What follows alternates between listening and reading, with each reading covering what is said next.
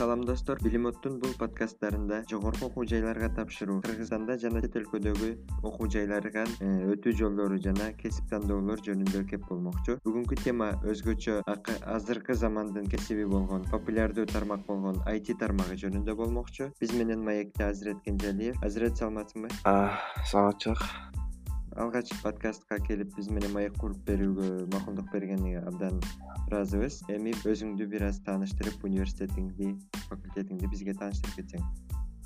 Атым азирет мен бишкектен болом мен корея алдыңкы илим жана технология университетинде окуп жатам. Ушу компьютердик технология факультетинде жакшы экен. Анда биз бүгүнкү темабыз айти тармагы болгондуктан алгач эле бул айти тармагы деген эмне деген суроо менен баштайм. Алдын ала айтайын бул жана кийинки суроолорго мен орусча жооп берейин. Анткени мага ыңгайлуураак болот. В общем что такое айти значит айти так у нас принято называть компьютерные технологии и компьютерные технологии они относятся к программированию. Те кто заканчивает факультеты компьютерных технологий становятся программистами. И что такое значит что такое компьютерные технологии как это правильнее называть это такая большая научная такая теоретическая и практическая сфера получается где где происходят все да начиная от исследований заканчивая вот разработкой в виде разработки сайтов как у нас известно там мобильных приложений и так далее. Вот если если вкратце. Түшүнүктүү анда айти тармагында элдер көпчүлүк учурда эмне менен алек болушат эмне кылышат ну те кто работают в айти в основном вот если взять кыргызстан то да у нас в основном у нас занимаются разработкой приложений для компьютеров для телефонов а также занимаются разработкой веб-разработкой то есть сайты. Это в основном у нас этим занимаются. В мире сейчас популярно заниматься машинным обучением компьютерным компьютерное зрение и искусственный интеллект да. Сейчас это самые основные направления которыми занимаются в передовых там университетах и вообще и не только в передовых университетах вообще во всем мире. Эми биз Э, кыргызстандагы бир орточо окуучунун перспективасынан карай турган болсок анда мисалы мен бир орточо окуучу болсом мен скорее всего олимпиадага катышкан жокмун. Жана учурда айти тармагы жөнүндө же болбосо код жазуу тилдери жөнүндө билбейм деп койсом болот да. Мен эмнени билем? Мен орт тапшырдым жана университет тандашым керек. Анан мен мага бул тармакка кирип үйрөнүп кетүү үчүн канча билим керек жана канча убакыт керек? Для начала надо сказать то что а, именно знания для работы в IT и вообще для того чтобы выйти на тот уровень когда ты уже можешь работать в компании в IT этот уровень довольно низкий. То есть мне кажется даже один из самых низких на удивление. Вроде как считается самая зарабатываемая сфера зарабатывающая сфера э, и так далее. При этом у, у такой порог знаний который нужен он реально низкий. И что я скажу для вот например с точки зрения среднестатистического школьника, это э, ему много-то и не надо. То есть достаточно поступить э, в хороший университет, и когда ты уже вольешься в ту систему, которая там есть, когда ты начнешь понимать то, что что такое просто, просто что, когда у тебя появится ответ на вопрос, что такое компьютерные технологии, то просто незамедлительно начать то есть нужно дойти до этого понимания, то, что курсы в, уни в университете это лишь должно быть твоим, твоими 20%, и 80% должно быть э, самообразование. Потому что в IT ценятся именно практические навыки, и чем быстрее вы будете развивать практические навыки, чем более качественно вы их будете развивать, тем, тем больше у вас будет успеха в, в этой сфере. И какой вам нужен уровень знаний, ну, вот я и говорю то, что вот какой у вас есть, с такими идите уже в университет. И я, не вам, я вам не скажу то, что идите учите там, обязательно математику, учите, учите там какой-то предмет или что-то. Нет, вы можете идти в университет и там уже. Э, анда биз кийинки суроого өтө турган болсок бул э, маанилүү бир тармак экен кызыктуу экен дейли. Кыргызстанда бул тармакка жумуш орундар бар экен. Анда биз кайсы университеттерде окусак болот? Кайсы университеттер окутат? Значит, университеты, да? Университеты, я бы сказал, что такие самые хорошие университеты, в которых, я думаю, стоит, стоит обучаться именно компьютерным технологиям, это, это Алато, это Политех, это КРСУ, это Манас и это АУЦА. Я думаю, это университеты, в которые в которых действительно стоит учиться. Также, также отмечу эм, эм, ИНАИ, да, или как, как-то вот так называется. Это при, при КГУСТА. Эм, институт... Ой, я не помню, лучше не, не буду говорить. Но вот при, да, при КГУСТА их эм, айтишная... Их IT, как бы, их IT-кафедра, да, она как бы, она считает, она тоже хорошая. Вот, я думаю, примерно этим бы я завершил, да, список как университетов, в которых, я думаю, действительно хорошее образование дают, в которых есть хорошие такие фундаментальные курсы, которых вас, которым вас индустрия сама не научит, и которые было бы хорошо, придя в эти университеты, изучить, то есть прям фун, такие фундаментальные знания, как работают операционные системы, как, как, устроены, как устроены компьютеры вообще, анатомия да, компьютеров, как, как нужно разработ... Э, заниматься разработкой программного обеспечения, вообще вот так в целом, как, как, это, как процесс, взгляд на это как процесс. И также, и также какие есть направления в разные направления в, в компьютерных технологиях, вас этому обучат в университете. То есть это будет полезно, поэтому обязательно идите. А, не думайте то, что там вот вас, вот есть у нас курсы, там IT-академия, IT-аттрак, э, там Attractor School и так далее, Кодер, да, там KG и масса еще курсов. А, они все говорят то, что обучат вас, и в этом нет сомнений, и то, что вы быстро можете трудоустроиться, в этом нет сомнений. А, но не спешите, реально, действительно не спешите. Вы только школу закончили. Вот пойдите, отучитесь в университете, изучите фундаментальные знания – подкрепите стажировками свои практические знания. И вот, ради бога, идите через 4 года работать. С дипломом готовые, просто при, приходите, и вы там просто любого там, не знаю, на лопатки положите. Просто у вас знания, куча знаний, куча опыта, и, и вот вы можете действительно сразу. И в плане рабо- э, работы, легко ли найти работу? Легко, потому что у нас сейчас у нас сейчас есть более 60 IT-компаний, у нас есть просто более 600, мне кажется, даже еще больше, наверное, около тысячи с чем-то программистов, и эм, которые трудоустроены. И у нас хорошие зарплаты именно для айтишников. То есть, например, младший разработчик это 300-500 долларов, средний раз, разработчик среднего звена – где-то от 600 до 1000-1200 долларов может доходить. И где-то от... И старший разработчик это от 1000 до двух с половиной, даже, наверное, тысяч может доходить зарплаты. И эти люди, я думаю, хорошо живут. В Кыргызстане это действительно это можно, это можно очень комфортно жить. Э, при этом, да, да, при этом и вот этот, э, и вот этот уровень зарплаты, его сложно повышать.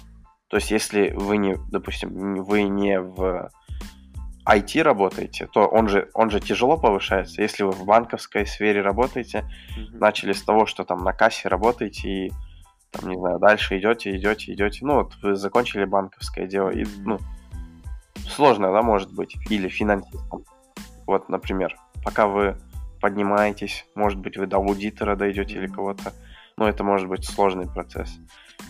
Вот, в IT ты пришел, ты, скорее всего, быстро, очень быстро становишься в течение пару месяцев младшим разработчиком, потом все зависит от вас. Вы можете где-то за от трех месяцев до года или полутора э, лет э, стать разработчиком среднего звена, и потом, наверное, потребуется несколько лет, там около трех лет, может быть, четырех, чтобы стать эм, уже синьор разработчиком, старшим разработчиком, как бы, и это довольно быстрый подъем. Это довольно быстрый подъем. Да, и причем я, я хочу отметить то, что у нас очень многие, вот, которые начали буквально там с самого вот младшего разработчика или даже со стажера, как бы за 5-7 лет они становятся старшими разработчиками, и многие даже едут работать э, в топовые зарубежные компании. У нас есть те, кто работает и в Microsoft, mm-hmm. у нас есть те, кто работает в Facebook.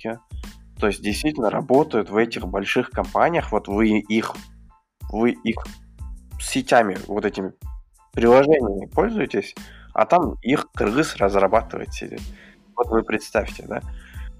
И он работает там э, э, разработчиком программного обеспечения, и, и они очень они рады, да, там работать. И да, они получают как бы... И я, конечно... Ну, если, например, идет речь про Европу, например, или про Азию, эм, то, например, разработчики эм, могут получать до 60 тысяч долларов в год. Это сколько будет? Около 5 тысяч долларов. Да, около 5 тысяч долларов в месяц. И ну, это отлично. А если э, речь идет про Америку, то там, то там обычно э, такие действительно э, опытные разработчики, они получают от 120 тысяч и выше. Mm. И, ой, от, от 100 тысяч, я бы сказал. От 100 тысяч в год и выше. чындыгында айти тармагында жумуш табуу акыркы күндөрү мисалы өзгөчө биз кореяны билгендиктен кореяда дагы өзгөчө жумуш табууда көп мүмкүнчүлүктөр көп орундар башка кесиптердин баарына караганда көп экен анан мисалы бизден дагы мисалы сен айткан эле фейсбукта майкрософтто иштеген кыргыздар мисалы жакында бирөө дагы самсунгда иштеп атат программист болуп кандай жакшы мүмкүнчүлүктөр бар да эгер биз буларды колдоно билсек э, эми ушундай компанияларга өткөндө сен айттың университетте окуп келсең база фундаментиңди тургузуп келсең маанилүү деп сени жакшы алат деп. Анда мисалы сен өзүң буга чейин бир канча компанияларда э, опыт топтоп көрүпсүң ушуларда баарында сен интервьюларга катышып көрдүң да сенден эмнени сурашат экен жумушка алып атканда эмне маанилүү экен? А да. Для того чтобы пройти на работу в компании у вас всегда должно быть резюме. Резюме это то почему вас оценивают и думают брать ли вас или нет. А, то есть например если вы учитесь в университете да например хороший вопрос типа у вас может возникнуть вопрос, вот у меня ничего нету, я закончил школу, я в школе только учился, у меня, не знаю, я там, помимо школы сходил только э, на борьбу, боксом занимался, или танцами занимался, и, и типа, я помимо этого ничего не делал, вот, особо. Только, учился и не знаю, футбол играл с друзьями. Ну, конечно, это, это, это, как, это как естественно, то есть мы все хотим, мы, мы все так и проводим большинство, большинство. И я не исключение. То, что я занимался и олимпиадами, не означает, что я круглыми сутками сидел. Я... Значит, что, что вас спросят, да? Um, то есть, если вы учите, например, если вы учитесь в университете и вы um, только начинаете, то вам необходимо брать курсы. это обязательно. Вам необходимо брать курсы по компьютерным технологиям. Вам необходимо писать как можно больше собственных проектов. Например, вы сейчас, наверное, вряд ли поним, понимаете, что означает собственный проект, но поверьте мне, когда вы окажетесь в университете, вы очень хорошо поймете, что это такое. бүтүрүүчүлөрдүн дагы көпчүлүгүнүн айтуусу боюнча жумуш табууда көпчүлүк орундар өзгөчө компьютер технологиясы боюнча өтө жумуш көп табылат. Э, жана э, жумуш орундары бул интернеттеги тармактарын издегенде күнүнө мисалы көп эле чыгат дейт да эми өзгөчө бул түштүк корея болгондуктан бул жакта өтө көп позиция бар дейт. Менин билишимче кыргызстанда дагы эле дайыма эле жумуштар жарыяланып турат неме боюнча компьютер тармагы боюнча.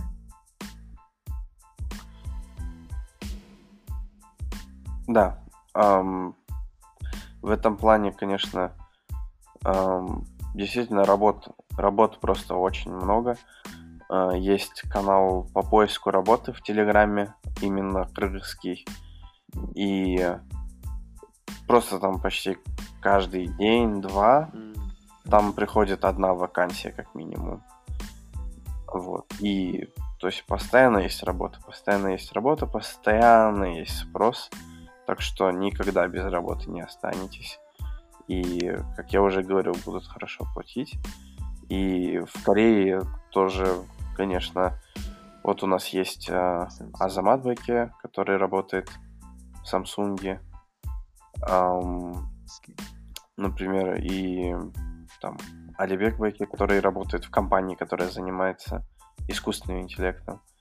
И там и также у нас есть эм, наши старшие, те, кто учится на четвертом курсе, а, они работали в так называемом корейский Google, эм, типа как корейский Google, типа одна из таких гла- главных компаний э, поисковик полностью на корейском, который они работали там, в корейском гугле, да, считай. Да. И как бы, конечно, это как бы показатель, и, э, и они все говорили, и, и это никому, это никому не секрет, что работ очень просто много, стажировок очень много, э, полноценных работ тоже очень много. Кыргызстане, за рубежом, везде, везде, везде нужно. Абдан жакшы экен. Разработчик. Э, анда биз жыйынтыктап айта турган болсок бүгүн биз эмнелерди үйрөнө алдык? Э, кыргызстандагы кайсы университеттерде анан кийин эмне үчүн окуу керек? Кандай тармактар бар жөнүндө кеп болду? Анан биз э, жыйырма миң сомдон баштап бир канча миңдеген долларга чейинки айлыктарды кыргызстанда туруп эле алса болот экенин жана ошого үйрөнүүгө толук мүмкүнчүлүктөр бар экени жөнүндө э, кеп кылдык абдан бизге пайдалуу болду деп үмүттөнөбүз. Эми биздин мектепти бүтүп жаткан абитуриенттер же бир дагы кайра университетке тапшырып жаткан биздин угармандар үмүт кылабыз. Жаңы бир кесипти аркоолоодон жаңы бир нерсени үйрөнүп көрүүдөн коркпой өзүнө бир күч топтоп э, балким бул жаңы бир тармакты кызыкса бир интернеттен дагы көбүрөөк маалымат таап же кыргызча болбосо орусча болсо дагы таап балким ушундай чоң мүмкүнчүлүктү колдонуп кала алат деген үмүттөбүз. Азырет сага чоң рахмат. Э, бизге ушундай бир сонун маек кылып аябагандай чоң мүмкүнчүлүктөр жөнүндө өзүңдүн опытың менен бөлүшүп ойлоруңду айтып бергениңе сага ыраазычылык билдиребиз. Сага рахмат азиз айта турган негизги бир эки сөзүң болсо ошону айтып биздин эфирди жыйынтыктасак да.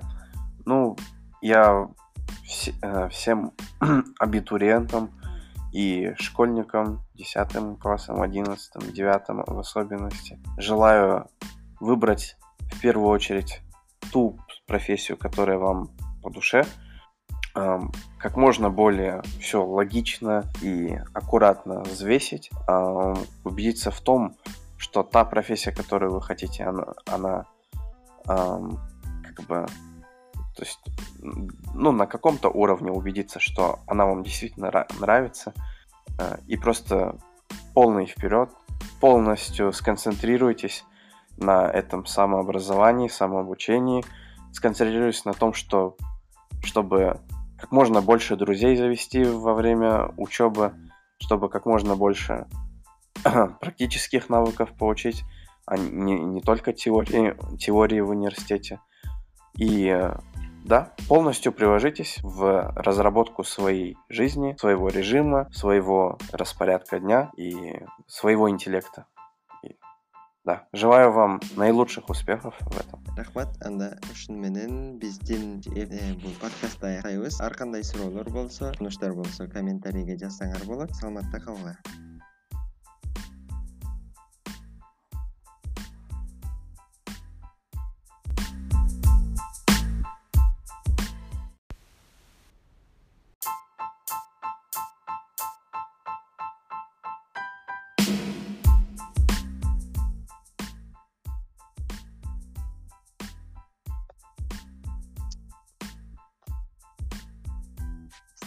бул подкасттарында кыргызстандагы жогорку окуу жайлар жана чет өлкөдөгү окуу жайлар жөнүндө кеп болом биздин коноктор өлкөбүздөгү жана чет өлкөлөрдөгү ар кайсы университеттердин студенттери жана бүтүрүүчүлөрү болот. Бүгүнкү коногубуз ала тоо эл аралык университетинин биринчи курсунун студенти базарбаев баяман. Баяман химия олимпиадаларынан республикалык жана дүйнөлүк олимпиадаларда көптөгөн ийгиликтерге жетишкен окуучу болот инибиз болот. Баяман бизге кош келипсиң. Саламатсыздарбы ала тоо университетин жөнүндө сен окуп жаткан бул компьютер сайенс бөлүмү деп эсептелинет экен. Кыргызча которгондо компьютер илимдери бөлүмү. Э, бул бөлүмдө силер кайсы тилде негизи сабак өтөсүңөр? Кайсы тилди билүү маанилүү? Өзү ала тоо университетинде аутсуда жана утса университеттеринде э, окуу тили англис тили болот. Анан өзү англис тилин билген сабактагы материал түшүнүш үчүн өтө маанилүү. Анан эгер бишкекте калсаң бишкекте досторуң менен жакшы сүйлөшүш үчүн агайлар менен сабактарда англис тили бирок сабактан тыш орус тилине көп колдонушат. Ошон үчүн орус тили менен англис тили өтө маанилүү бишкекте жакшы экен. Биринчи курстан баштап эле англис тилинде сабак өтүлүп баштайбы? Эгер мен англис тилин билбесем кандай болот? Ала тоодо э, пад курс бар. Алар аны казырлык деп коет. Эгерде алар э, биринчи курска барганыңызда ал жерде экзамен кылып текшерип алышат. Кимдин э, английскийди канчалык даражада билет ким канчалык билбейт текшерип туруп бөлүп коюшат. Эгерде английскийиңиз жакшы болсо сиз Э, биринчи курстан отуруп баштай бересиз ошол жылы эле. Эгер жаман болсо анда бир жыл пад курс окуйсуз. Ал жерде сизге англис тили менен түрк тили математиканы үйрөтүшөт. Сен окуган тармак жөнүндө кеп улай турган болсок биринчи курсту бүттүң. Э, жана сенин байкашың боюнча же сенин көргөнүң боюнча бул математиканын канчалык кереги бар деп ойлойсуң канчалык деңгээлде билүү керек. Мисалы жртнын кошумча математикасы менен салыштырсак э, кошумча предметтикте примерно канча балл алсаң кыйналбайсың деп ойлойсуң. Мен жртнын негизи негизги бөлүгүн анча деле кыйын деп эсептебейм. Себеби ал жерде суроолор дээрлик сегизинчи класска чейинки математика. А бирок предметтик жактан предметтик математиканы жакшы тапшырсаң мисалы үчүн жүз отуздан жогору алсаң анда бул сенин математикада жакшы деңгээлиң бар экенин көрсөтөт эгер жүз отуздан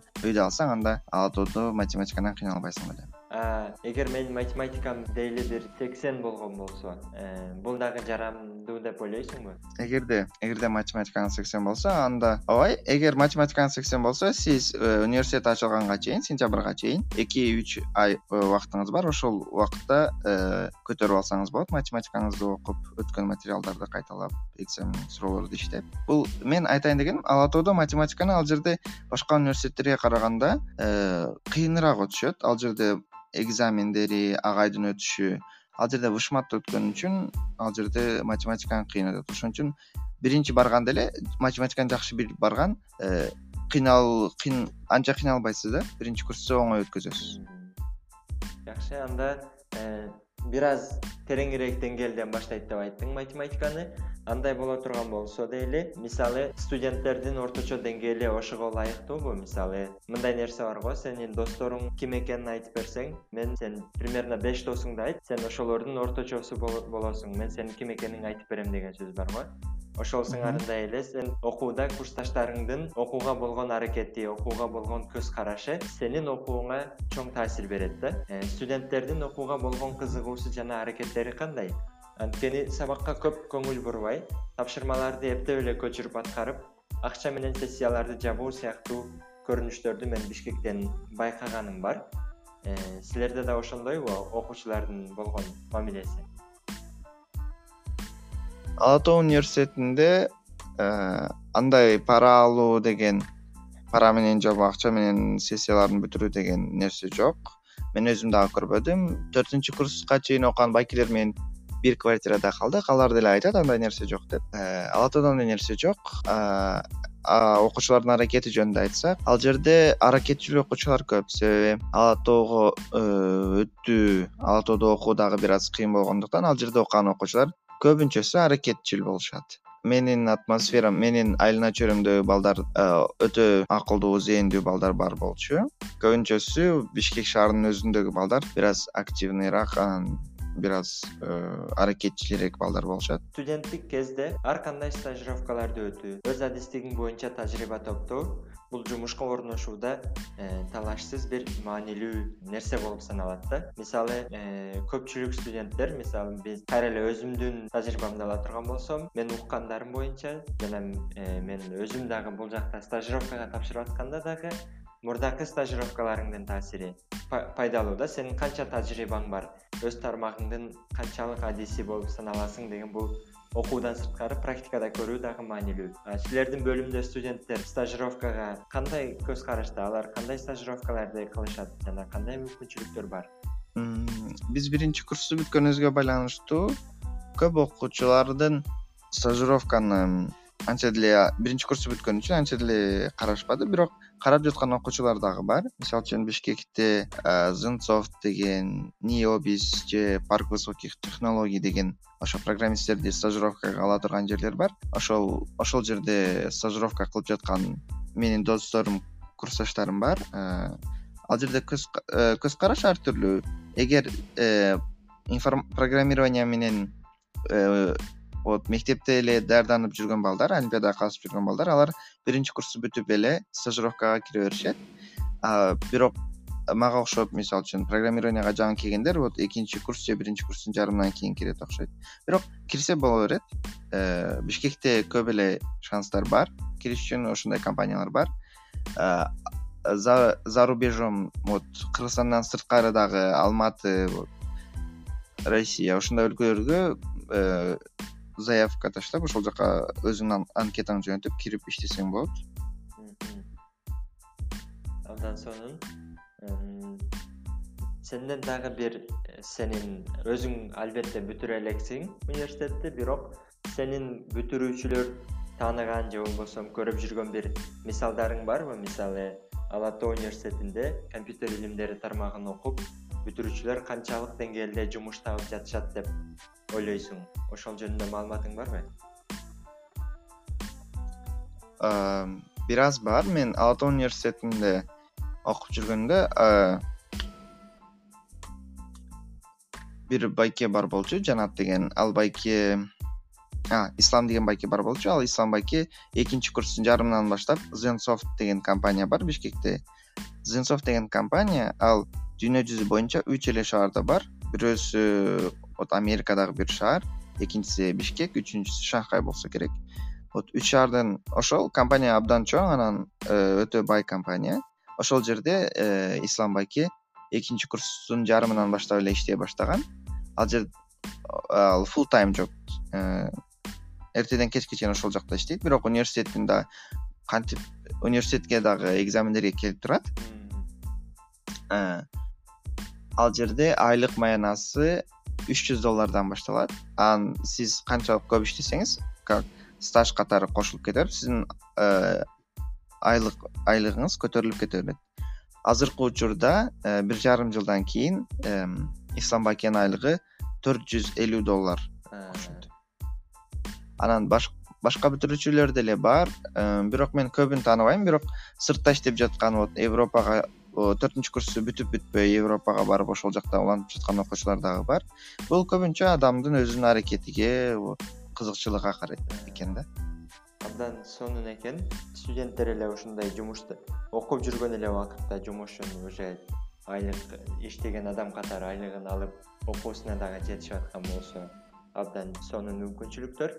Анда э, сенин бул кабыл алуу жөнүндөгү эми сен өзүң айттың олимпиаданын жардамы менен өттүм деди анда сен бюджеттик негизге өткөнсүң. Анткени эл аралык олимпиададан медалың бар болгондуктан алар бюджеттик негизде алат. Кыргызстанда дагы эле орундарың бар болуш керек. Анда мен бул жака мен билем республикалык олимпиадаларда биринчи орунду алсаң бюджетке өтөсүң деген. А экинчи орунду алсаң бир канча пайыз жеңилдиктер менен деген.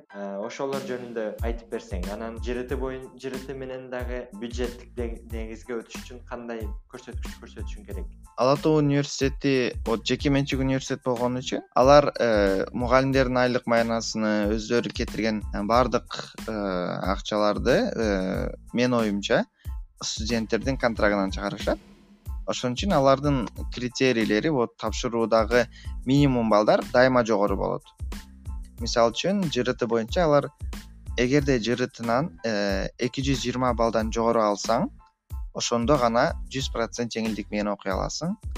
Эгерде эки жүз он бештен баштап эки жүз жыйырмага чейин эки балл алып калсаң анда жетимиш беш процент менен окуй аласың. Өзүнүн сайтында ал жерде канча балл канча диапазондогу э, балл алсаң канча канча процент менен өтүшүңдү жазып коюшкан. Анан э, эгерде республикалык олимпиададан биринчи орунду алсаң ошол окуу жылында. Мисалы үчүн эки миң он тогузунчу жылы бул жыл республикалык олимпиададан биринчи орунду алсаң анда бул жака кирип бекер окусаң болот. Ала тоого кирип э, же болбосо дүйнөлүк олимпиададан э, медалың болсо вот коло күмүш же алтын үчөөнүн бири болсо деле барып ошол жерде бекер окусаң болот. Түшүнүктүү. Анда быйылкы жылдары э, окуу контрагы канча болуп жатат? Канча төлөйсүң? Окуу контрагы алар алмашып турат окшойт. Э, мен э, эки миң он сегиз эки миң он тогуз окуу жылындагы окуу контрагын айтсам ал жерде биздин факультеттин контрагы бир миң сегиз жүз доллар болчу. Мисалы үчүн вот англис тили факультети эң арзан. Э, ала тоодо ал тогуз жүз же миң доллар. Анан эң кымбат факультет медицина факультети. Ал төрт миң долларга чейин окшойт. Ушундай бюджеттик негизге өткөн жөнүндө билдик. Мисалы мен жүз жетимиш балл менен жүз алтымыш балл менен дагы өтө аламынбы ала тоо университетине? Ала тоо университетине э, эң э, пороговый баллдан өтсөң эле өтсөңүз эле мисалы үчүн жүз отуз баллданбы ошону өтсөңүз эле барып тапшыра берсеңиз болот. Бирок контракттык негизде окуйсуз да? Барып тапшыра берсе болот. Бирок алардын э, мисалы үчүн эгерде жүз жетимиш балл алып туруп ала тоо университетке тапшырсаңыз анда сиз бир миң жылына бир миң сегиз жүз доллар төлөп окушуңуз керек. Менин оюмча бир жакшы эле университеттердин катарына кирет. Эң негизгиси окууга кызыккан э, паракорлук жок болгон эң маанилүү деп ойлоймун. Ошол жагынан караганда балким э, жакшы билим алуу үчүн азырынча акча менен билбейм аракет кылып окуса дагы татыктуу арзый турган бир университет сыяктуу көрүнөт. Сага бир мындай суроом бар да. Э, сен биринчи курсту окуп кореядагы университеттердин экөөнүнө тең өттүң юнис туурабы англис тилинде окуткан жакшы. Бирок кайра бул жака биринчи курска тапшырып жатасың. Э, башкача айтканда бир жыл арада уттуруп жатасың деп ойлоймун эми. Бирок э, эмне үчүн сен кайра эле бир жылды уттурганыңа карабастан тапшырып атасың? Бул суроо көп жерде суралды э, эң негизгиси мен чоң эмелерде чоң жерлерде окугум келди. Өзүм мектепте окуп жүргөндө чоң дегенде эми топовый топ жүздөгү университеттерде мисалы үчүн окугум келди. Ошон үчүн мен э, он биринчи классты бүтүп жатканда англис тили экзаменине жакшы тапшыра албаганым үчүн мен бир жыл академический десем да болот бир жыл калып калдым. Ошон үчүн э, ошол убакта мен тойфулга даярдандым дагы тойфулду тапшырып алдым. Э, мен убактымды уткурган болушум мүмкүн бирок кандай десем мисалы үчүн кыргызстанды бир аз эме деп ойлосок аквариум деп ойлосок вот корея мисалы үчүн мен окуй турган жерим корея ал жер чоңураак бир көл көл да. Ал жердеги мисалы үчүн балыктар дагы башкачараак мисалы үчүн ал жерде көбүрөөк тажрыйба ала алам мисалы үчүн. Ал жерде көбүрөөк ар түрдүү э, ар кандай өлкөлөрдөн келген күчтүү досторду таба алам. Ошон үчүн мисалы үчүн мен төртүнчү курсту бүткөндө уже э, уже уже мындай ийгиликтүү адамдардын уже чоң компанияда иштеп жаткан адамдардын контагы уже менин телефонумда болот дегендей бир нерсе да. Э, бул дагы связь мисалы үчүн байланыш деп коет. Байланыш дагы өтө керектүү нерсе. Анан экинчи үчүнчү жактары мисалы үчүн жылды уткузган болушум мүмкүн бирок э, бирок э, адамдардын мисалы үчүн англис тилде turning point деп коет. Мисалы үчүн ийгиликтүү болуп кетиши канча жашта экени белгисиз. Мисалы үчүн менден үч жыл мурун бүткөн болушу дагы мүмкүн. Менин менен тең бала. Бирок ал эки жыл жөн эле убактын кетирген болушу мүмкүн бирок мен э, университетти бүтүп туруп эле сразу э, ийгиликтүү болуп кетиши мүмкүн. Бул жерде эч ким айта албайт. Мисалы үчүн мен бир жыл убакыт уткурганымды бир жыл утуп атканымды эч ким мындай так айта албайт. Ошон үчүн мен муну анча деле мындай проблема катары карабайм да. Анда биз дагы бир суроо жалпы суроолорго өтө турган болсок э, учурдагы адистигиң бул компьютер илимдери же болбосо программист деп коелук жөнөкөй тил менен айтканда. Эгер сен ушул кесипти тандабасаң жана химик олимпиадага болгонсуң даярдангансың химияга тиешелүү кесип эмес башка экөөнөн башка тандасаң кайсы кесипти тандамаксың бизнеске тиешелүү кесипти тандамакмын себеби бизнеске тиешелүү кесиптерде дагы мисалы үчүн аны бүткөндөн кийин чоң компанияларда иштесең болот же өзүң бир э, бир компаниянын башчысы болсоң болот ал жерде көп нерсе үйрөнө аласың университетте. Ошол факультет бизнес факультетинде э, мисалы үчүн стив джобс мисалы үчүн э, кайнысы. Мен үчүн э, эң керектүү болгон нерсе бул эң өтө маанилүү болгон нерсе бул жакынкы он жылда өтө жакшы мисалы үчүн акча табуу мен үчүн. Өтө биринчи орунда турган нерселеримден да эң приоритетте турган нерселеримден жакшы акча табуу эгерде мен жакшы акча тапсам анда э, өзүмдүн пландарымды реалдаштыра алам. Анан э, өзүмдүн мамлекетиме тийгизген таасирим өзүмдүн мамлекетиме берген жардамым дагы өтө чоң болот деп ойлойм. Ошон үчүн мен э, акчаны көп таба турган тармак катары биринчиде айти тармагын коем экинчиде вот бизнес жакты коем акыркы суроом бул китеп окуу жөнүндө болсун. Азыр кайсы китепти окуп жатасың? Жана сен окуган китептерден кайсынысын сунуштайсың? Мен өзүм анча деле китеп окубайм бирок э, бир айда бир китеп сөзсүз бүтүрүп турам. Мисалы үчүн азыр окуп жаткан китебим цветы для элджернона өзүм окуган ушуга чейин окуган китептерден эң жаккан китеп бул алхимик ал жерде сантьяго деген бир койчу бала жөнүндө көп эле адам окуган болсо керек. Ал эч нерсеге карабай өзүнүн максатына э, катуу ишенген өзүнүн э, койгон максатына катуу аракет жасаган койчу койчу бала катары э, аны окуганда көп вот өзүңө дем аласың күч күч топтойсуң. Ошон үчүн мага алхимик китеби жакты ошону сунуштайм эң сонун анда баяман сизге өз оюң менен өз тажрыйбаң менен жана өз пландарың менен бөлүшүп бергениңе сага ыраазычылык билдиребиз. Чоң рахмат. Рахмат силерге дагы. Анда эмесе достор силерде ар кандай тармактар жөнүндө же болбосо кайсыдыр бир университеттер кесиптер жөнүндө суроолор болсо комментарийге калтырсаңар болот. Биз албетте көп суралган суроолорго кийинки видеолорду ошого жараша подкасттарды даярдаганга аракет кылабыз